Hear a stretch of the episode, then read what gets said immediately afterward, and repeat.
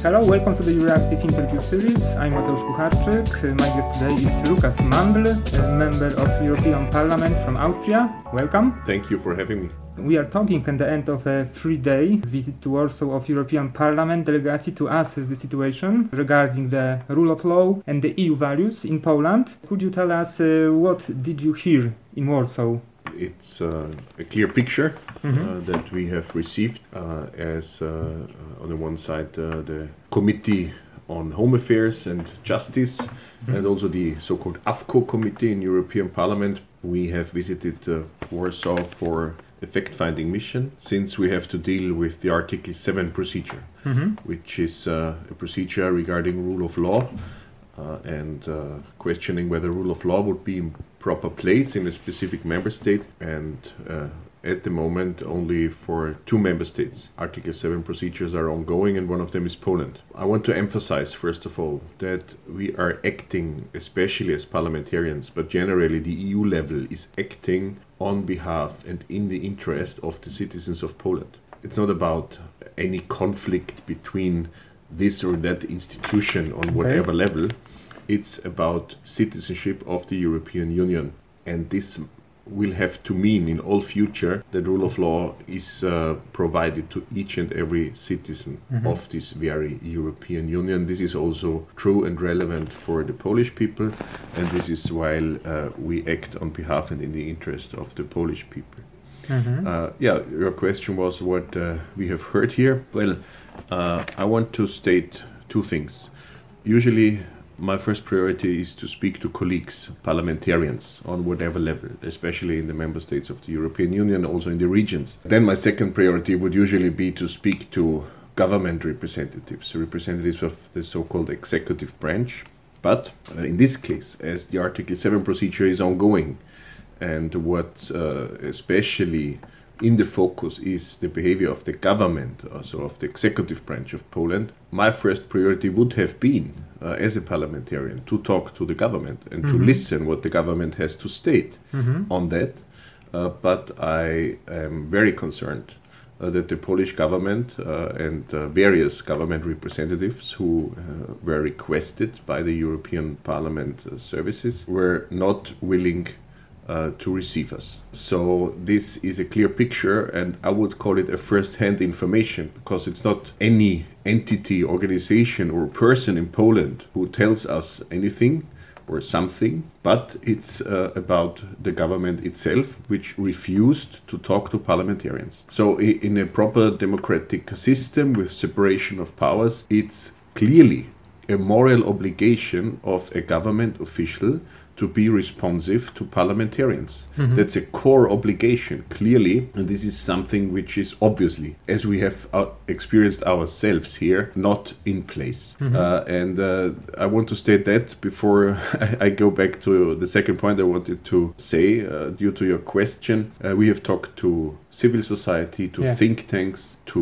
uh, academia, uh, to journalists, media, to uh, also judges, former judges. Uh, we've also talked to uh, the juridical council, Mhm. uh, and uh, what I uh, especially want to underline, we have talked to the Senate. Mhm. Uh, and the highest representatives of the Senate, Mhm. and uh, this was also eye-opening because parliamentarians can provide a clear picture, and also the Senate members uh, are parliamentarians and have provided us with a clear picture. And I was happy to have this opportunity of a good deliberation and exchange with the colleagues in the Polish Senate. So, after these talks, do you think that Poland is still a, I would say, democratic country or not? Poland is an EU member state, and uh, in EU we only have democratic member states. Uh, the question is whether democracy is on a good path or not, and there are reasonable doubts. Uh, not only on democracy, but on rule of law in proper place, on separation of powers in proper place, uh, especially uh, on the behavior of the so-called uh, uh, disciplinary bodies regarding the judges uh, in Poland. So there are some fields where we have to scrutinize, and again, we do it on behalf of the Polish people, the citizens. It's uh, again not about any capital in uh, Brussels or about uh, any centralism or influence from outside. No, it's clearly our core business as parliamentarians to act on behalf of the citizens, and uh, Polish citizens deserve rule of law in proper place, as each and every EU citizen deserves it. When should we expect the results of your visit in Poland uh, of the delegacy of European Parliament? Well, we are parliamentarians from various political groups and backgrounds. Uh, this is also one of the strengths of this delegation uh, that we act uh, coordinated and uh, in a good uh, also internal exchange. And uh, on the one side, the first statements will be released right after the visit, still here in Poland, in Warsaw and uh, each and every parliamentarian, each and every colleague who will have to negotiate and to vote in European Parliament on the respective questions will make uh, up his or her own mind based on the things that uh, we have heard here and we have questioned and we have listened to here. Uh, in my case, this would be especially and uh, currently uh, the rule of law uh, report of the European Parliament. Mm-hmm. Uh, this is an annual uh, report which uh, I'm supposed to negotiate as a rapporteur of the European Parliament, and it makes a huge difference and it makes a lot of sense, and it's extremely fruitful that I had this opportunity in this beautiful country. Poland is beautiful, open people, great hospitality. Uh, also, as an Austrian, I feel very close to Poland. Mm-hmm. I'm really thankful that I had this beautiful opportunity to have a deeper insight because it makes a huge difference for my obligation to negotiate the rule of law report of the European Parliament.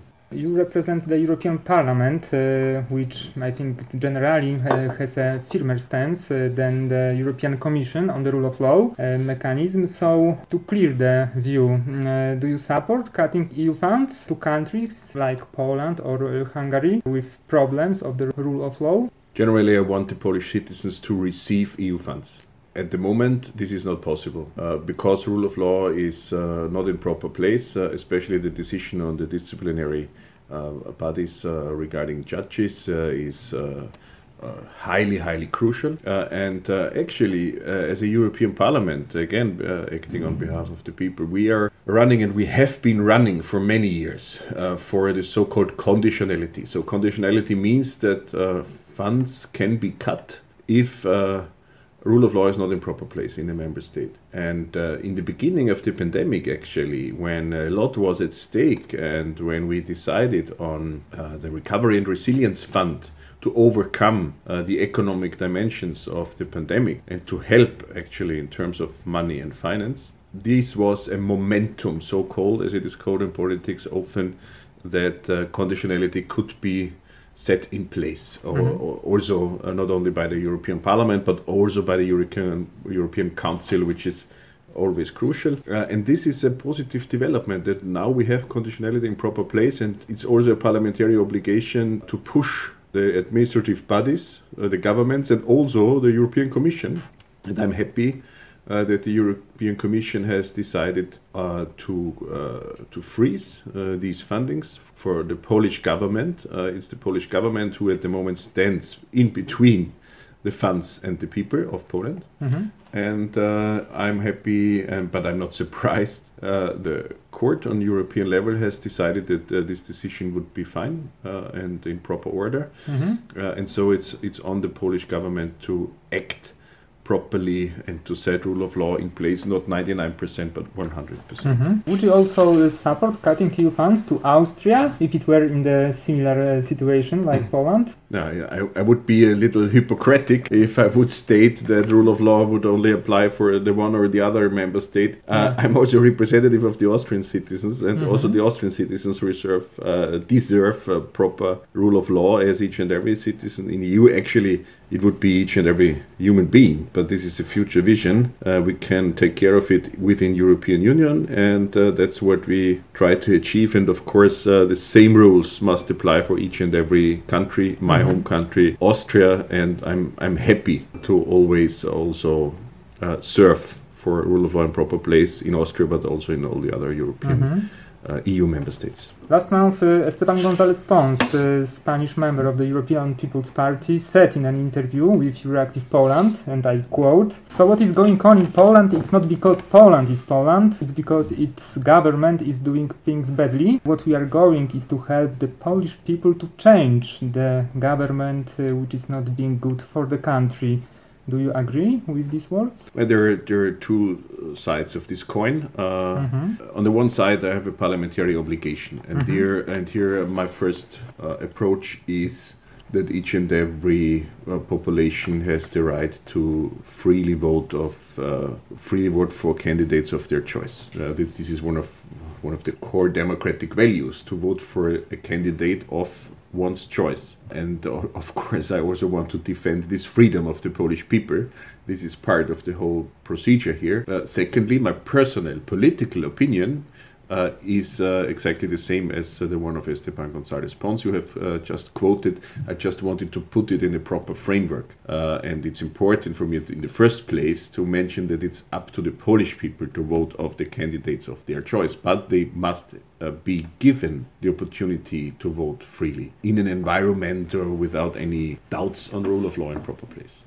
Do you agree with the opinions that European Commission Chief Ursula von der Leyen is playing uh, a waiting game uh, with regard to Poland and rule of law?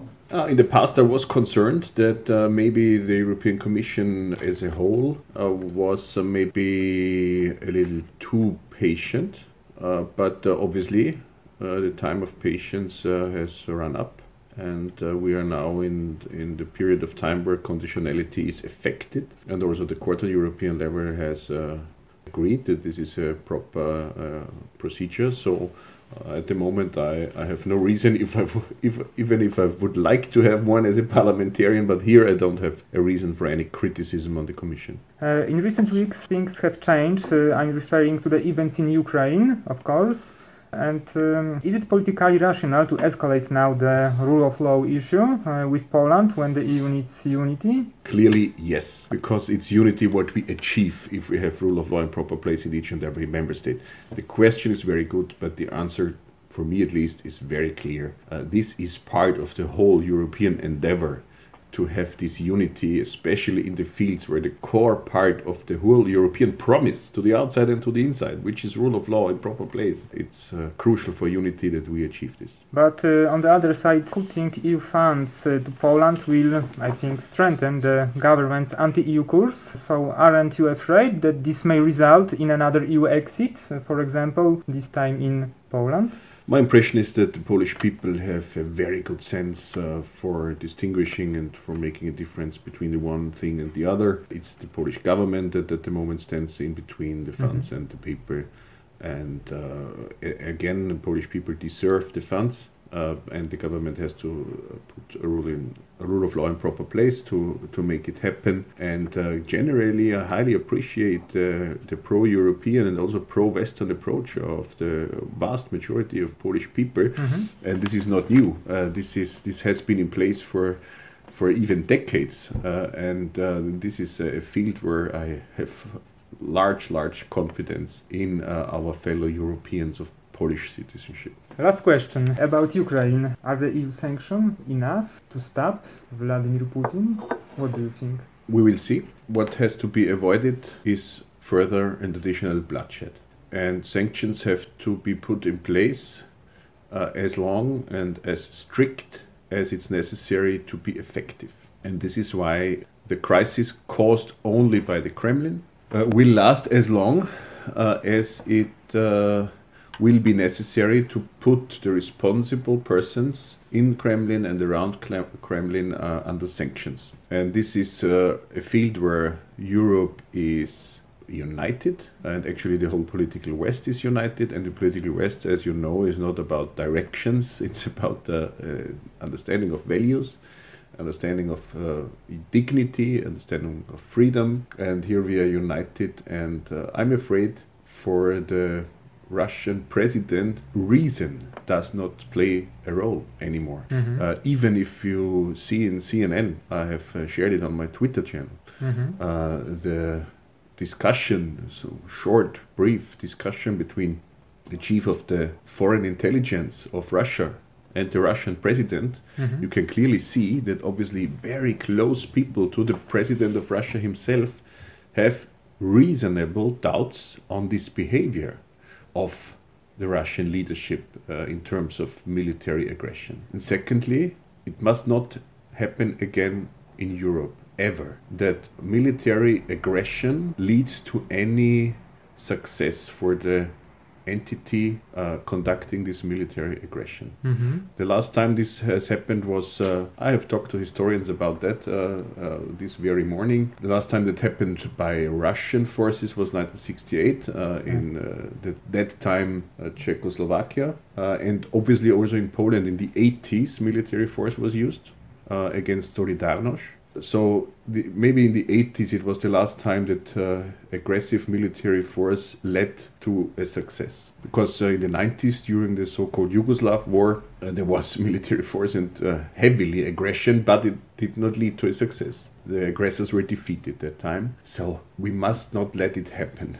that uh, military aggression leads to any success uh, in the world and especially where we can take responsibility for on european soil and this is what's at stake. And of course, Ukraine, a state uh, the, that is running much better than, for example, the Russian Federation, is at stake, and uh, many many civilians are. Uh, are scared in these days.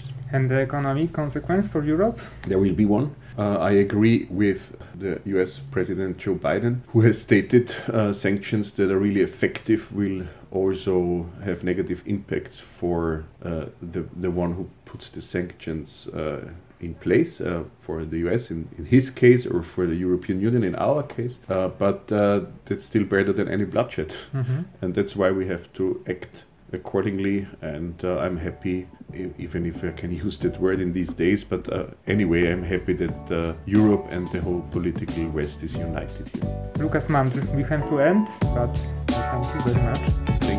Thank